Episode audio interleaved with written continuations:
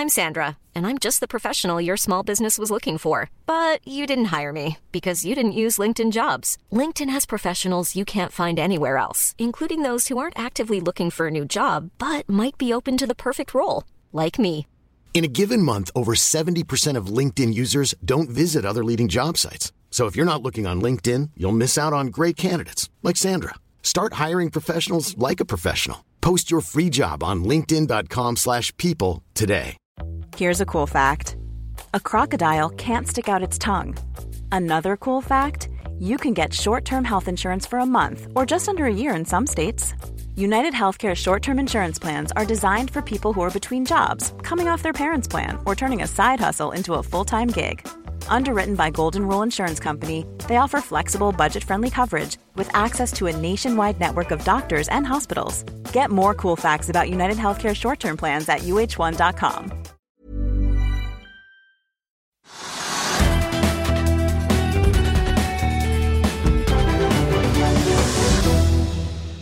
Velkommen til Økonominyhetene onsdag 13. oktober, der vi får besøk av to skarpe analytikere som skal fortelle om festen kan fortsette i bankaksjer. Og vi skal også gå gjennom hovedpunktene i den nye regjeringsplattformen, men først en titt på markedet.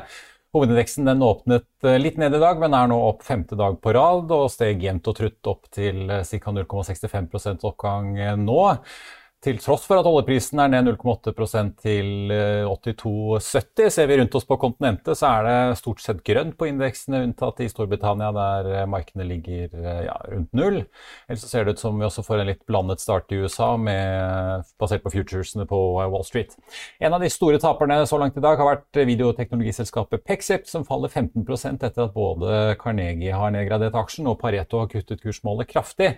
Selskapet slapp forrige uke en kvartalsoppdatering. og Carnegie-analytiker Oliver Schuler Pisani sier at han trodde den skulle vise en underliggende akselerasjon i selskapets inntekter, men at den ikke kom. Han mener risikoen i caset har økt. Ellers fortsetter Mintra å falle etter guidingen de kom med på mandag. Samtidig stiger Harmony Chain 5% etter at de nå har meldt at de terminerer denne samarbeidsavtalen med det Dubai-baserte selskapet som er knyttet til finansakrobat Thomas Øie. Ellers får vi ta med at Entra, som, altså eiendomsselskapet, det gode gamle trauste eiendomsselskapet, stiger 10,8% etter at det ble kjent at svenske Balder nå har passert en eierandel på 33% og derfor må legge frem et bud på resten av aksjene i selskapet. Det har tidligere vært en budkamp mellom Balder, SBB og Castellum, og SBB kastet jo som sendt kortene, men det gjorde ikke Castellum. Nå må Balder tilby minst 202,5 kroner per aksje. Nå koster en Enter-aksje 214,80. Jonas Gahr Støre og Trygve Slagsvold Vedum la klokken to i dag frem Hurdalsplattformen, og de to kunne love at vanlige folk skal merke en forskjell i hverdagen, at forskjellene skal ned. De kunne love en aktiv næringspolitikk og at man skal ta i bruk hele landet. Det har vi jo hørt før, men nå får vi ta en titt på de viktigste punktene i planen. Og det handler ikke bare om at taxinæringen nå skal strammes inn igjen. For de lover altså å holde liksom det samlede skatte- og avgiftsnivået for folk flest uendret. Det blir kutt i avgiftene på strøm, drivstoff, veibruksavgift og biodrivstoff. Samtidig så blir det elbilmoms på biler over 600 000. Det har vi også hørt før, og det kommer de altså med nå. I tillegg så vil de stramme inn på private helsetjenester og helseforsikring og innføre det de kaller en omsetningsavgift. Ser vi ellers på skattenivået, så lover de en uendret skatte, selskapsskatt på 22% samtidig som inntekter over 750 000 skal beskattes hardere. Det blir også dobling i fagforenings- og pendlerfradrag. Og det blir også en god del endringer i formuesskatten, der verdsettelsen av aksjer og næringseiendom nå skal jekkes opp igjen til 80% Regjeringen som nå har gått av, har jo foreslått å senke den fra 55 til 50 i tillegg så beholder de FrPs tak på eiendomsskatt på 4 promille, og det skal også utredes i hvor stor grad investorer tilpasser seg aksjonær- og fritaksmodellen.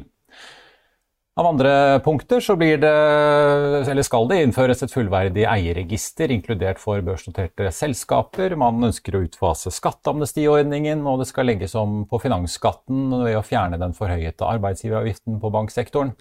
Det skal også gjøres utvidelser av gjeldsregisteret, og oljefondet skal få investere mer i fornybar energi og infrastruktur. Ellers får vi ta med at det også settes et klimakuttmål på 55 innen 2030. 2030, og den nye regjeringen viderefører det målet som Erna Solberg og Tina Bru kom med, nemlig at CO2 skal koste 2000 kroner tonn å slippe ut i 2030. Samtidig loves det støtte og tilpasninger til berørte grupper, og støtte til å løfte frem både hydrogen, ammoniakk og biofuel.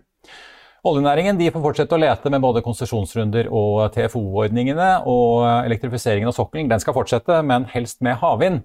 Ellers får vi også ta med at det ikke kommer noen nye utenlandskabler for de som er bekymret for det.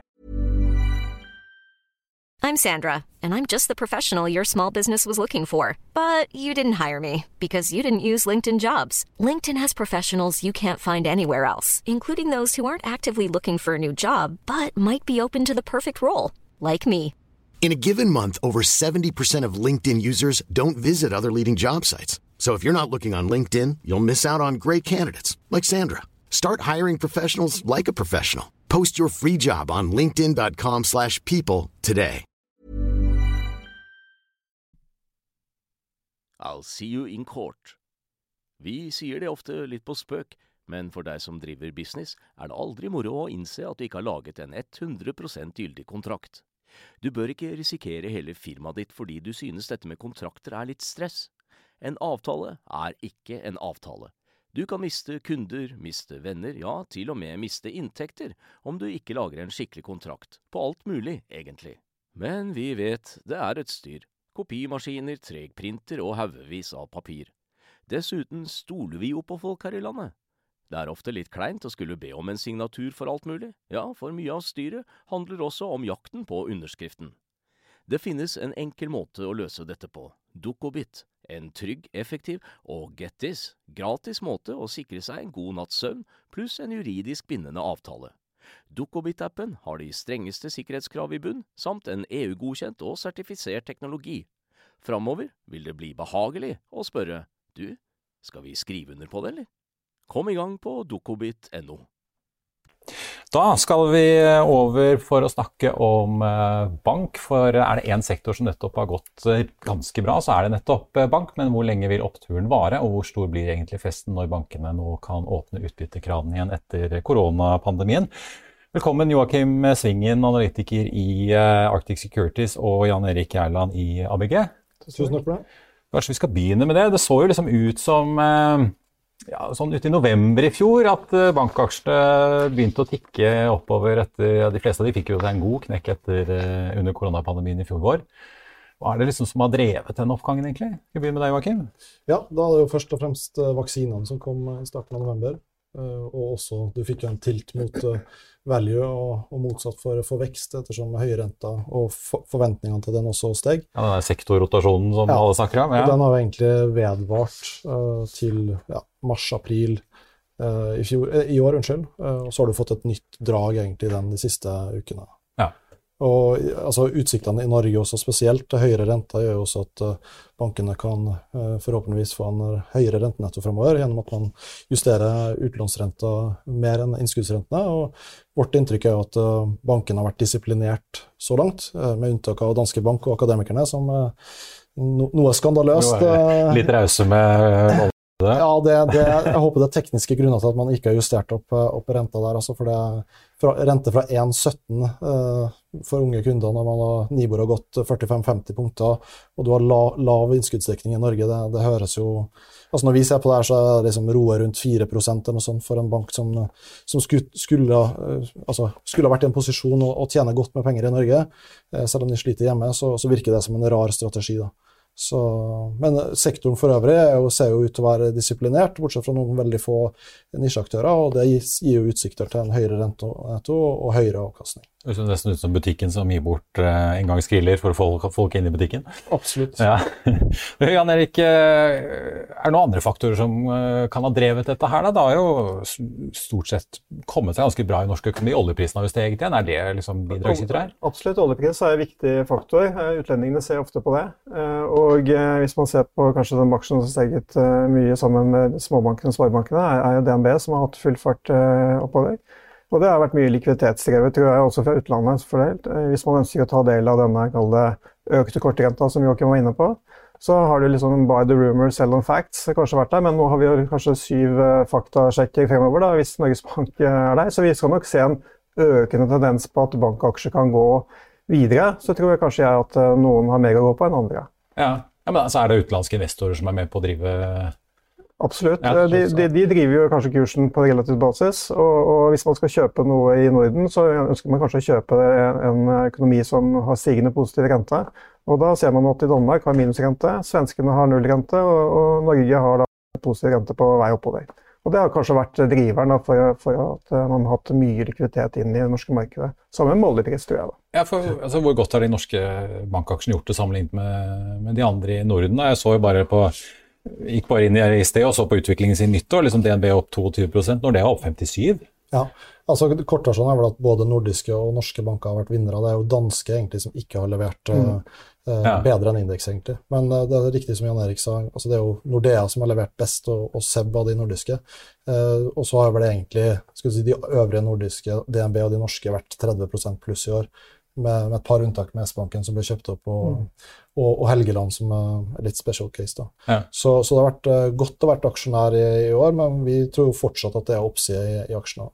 Ja, for altså, ser man på, Kan man kalle liksom banksektoren en vinnersektor? Det er selvfølgelig sånn, Hvis du ser på en del industri- og oljeaksjer, så har de gått som en kule. altså Equinor og Hydro, en del av de. Men uh, hvor, hvor, vil dere liksom plassere banksektoren så langt i den oppturen vi har sett i aksjemarkedet etter koronabunnen?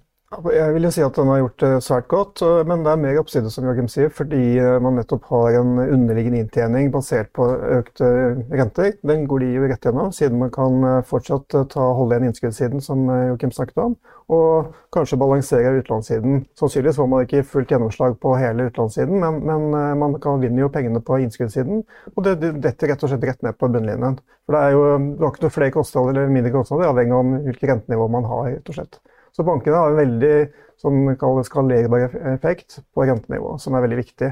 Og da tjener man jo ganske mye penger de neste gangene. Og våre beregninger da, viser i hvert fall at noen banker har kanskje høyere sensitivitet da, på, på earnings per, per, aksje i forhold til eh, økte renter. Da, ja, hvem er det som... Da, jeg liker sånn sett SR-Bank og Ming, og kanskje S-banken, som nå blir kjøpt uh, som best. Mens DNB kanskje kommer litt lenger ned på skalaen. På min kalkulasjon i hvert fall. Ja. Men hvor lenge kan Ja, ja nei, når vi er inne på det, så altså, da DNB, S-banken og Sparebanken Møre egentlig som kommer best ut. Men det er litt avhengig av hva man Altså Bankene oppgir jo ikke eh, eksakt hvor mye av innskudd og utlån på BM-sida som er Nibo-linka og ikke, så, så, det kan være litt Og så spørs det selvfølgelig gjennomslaget, som mm. Jan Erik er inne på. Men Er dette helt priset inn i aksjekursene på disse bankene? Det er jo ikke noe sjokk at Norges Bank skal ikke renten nei, nei, det var liksom som jeg sa, da, bare on med sell on the fact, så, så, kan man si at uh, kanskje noen banker har fått uh, godt betalt allerede, særlig på, på P-forholdsholdet. Uh, på prisbok så ser vi at nå handles jo kanskje bankene opp mot de nivåene man historisk har kanskje toppet på før. Da. Um, så utfordringen er på en måte om man skal gjennom en ny variant hvor man kan komme lenger enn man har gjort før. Uh, og på mine tall så syns jeg jo DNB ser dyr ut, mens SR-Bank kanskje ser billig ut i totaliteten. Ja. Men dere, altså dere har, jeg må nesten ta det, for at Hvis vi tar DNB-aksjen, da, den har jo gått veldig liksom, ja, I september virket det som det var liksom noe som skjedde, for plutselig så begynte den å få seg sånn nytt ekstra løft. Er det noe som forklarer det? Jeg, jeg, jeg, mener i hvert fall Oljepris ser i hvert fall ut som har en veldig relevant eh, sammenheng på, på DNB-aksjen. Veldig én til én mot olje. Ja, fordi de har så mye kunder i olje- ja, altså når, når, når oljeprisen går opp, så går det ofte godt for norsk økonomi, og da er det ofte godt for DNB. Ja, ja. Og så fikk du vel et løft i lange renter også, mm. som også har bidratt de siste, siste altså gjennom september. Og, og, og det påvirker DNB spesielt? Ja. ja.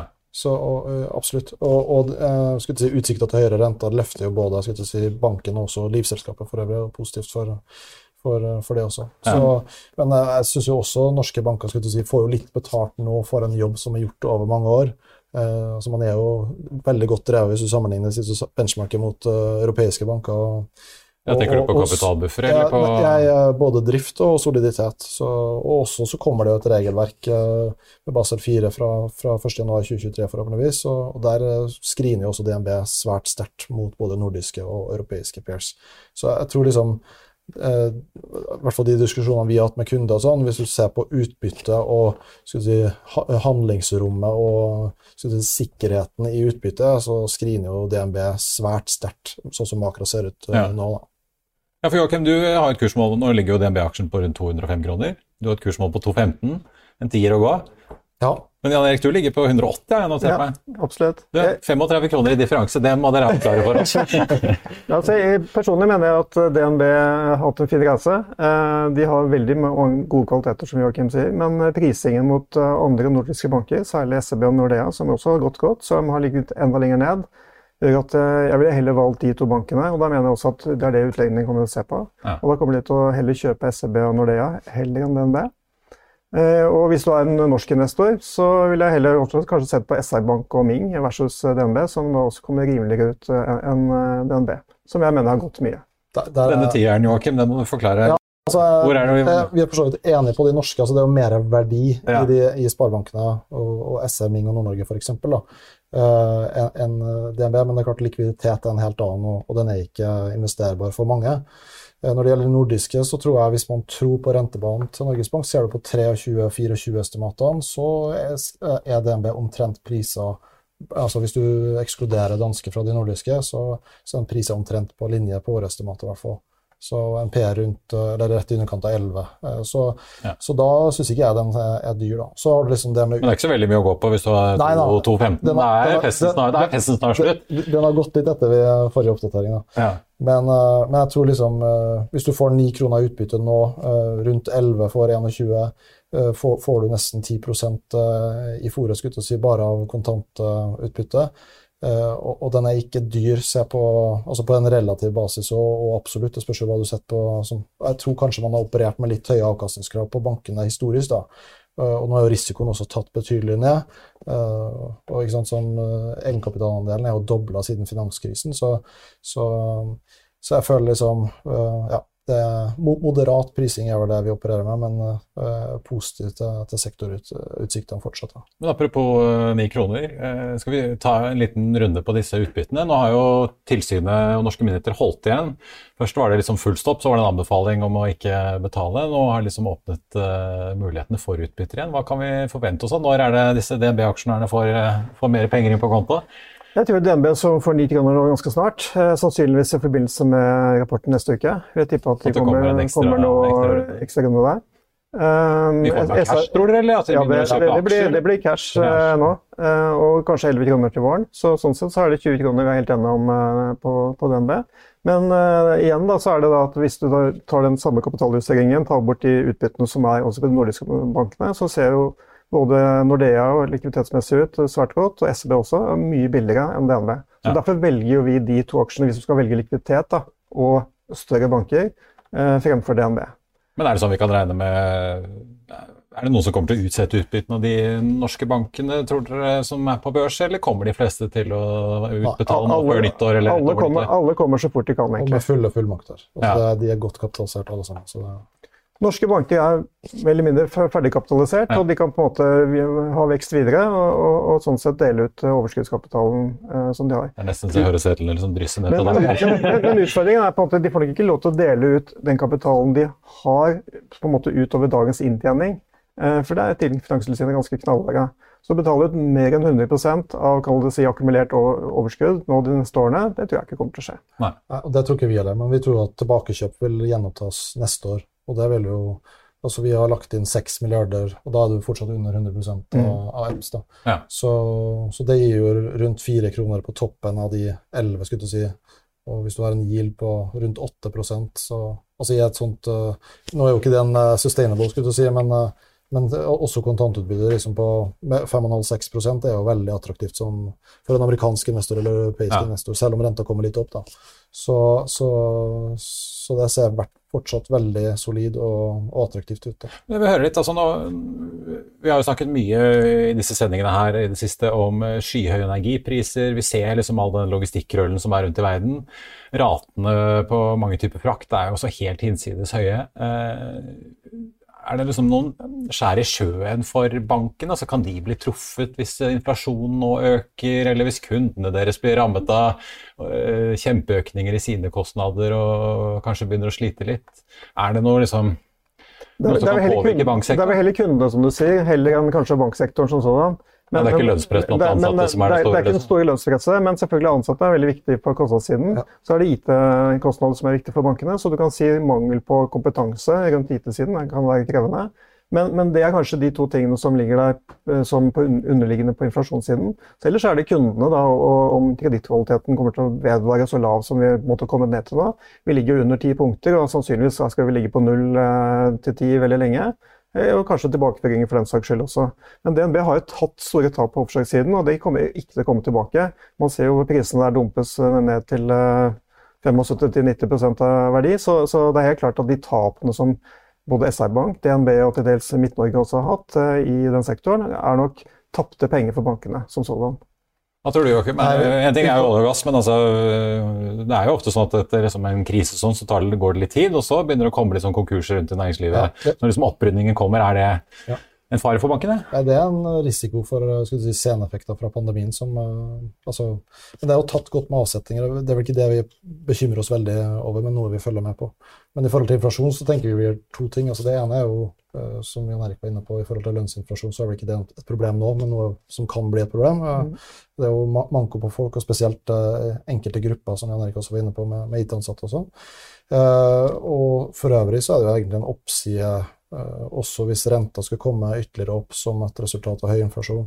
Det vil jo være positivt for altså Så lenge det skjer gradvis, ja, sånn at eh, både næringsliv og privatpersoner kan, eh, kan, tilpasse seg et nytt rentenivå. Men bråe skift er jo ikke noe man ønsker å se. Så får vi se hvordan denne omleggingen av bankskatten i Norge slår inn. Det er vel de med flest ansatte som sparer mest, hvis det skal kuttes i den arbeidsgiveravgiften. Det er positivt for sparebankene. Det. Ikke sant? Det høres ikke helt overraskende ut med Senterpartiet i regjering.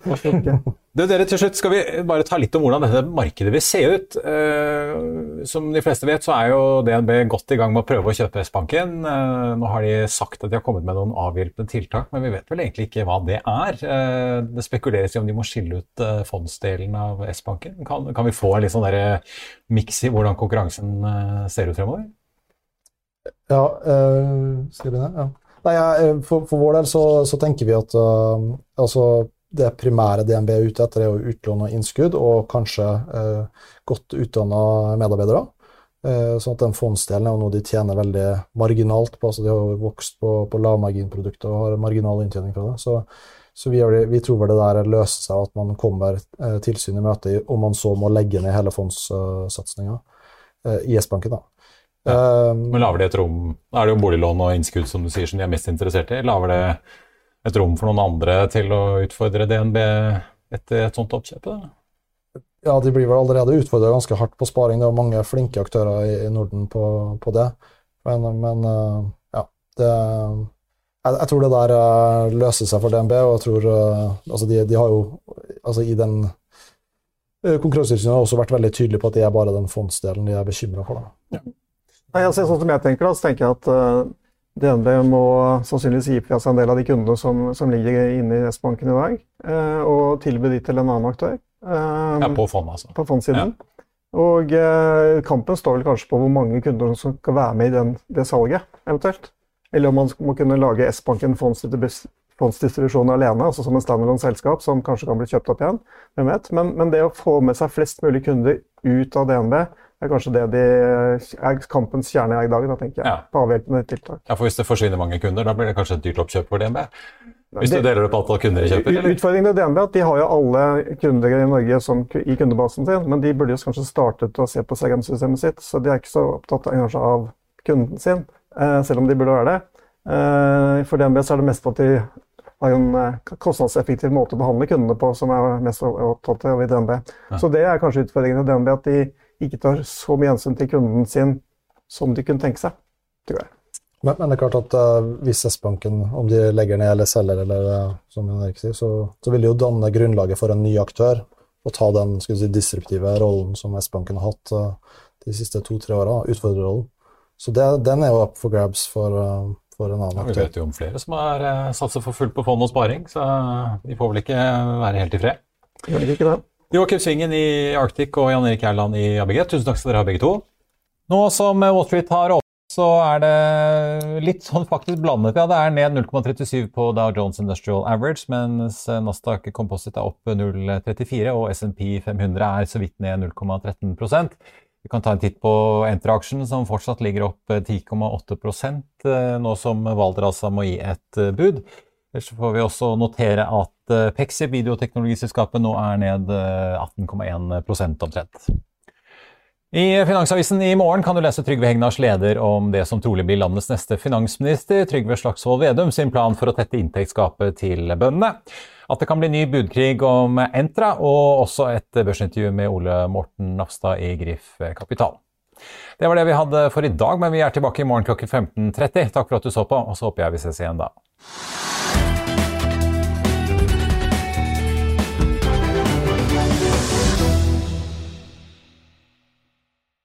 Økonominyhetene er en podkast fra Finansavisen. Programledere er Marius Lorentzen, Stein Ove Haugen og Benedikte Storm Bamvik. Produsenter er Lars Brenden Skram og Bashar Johar.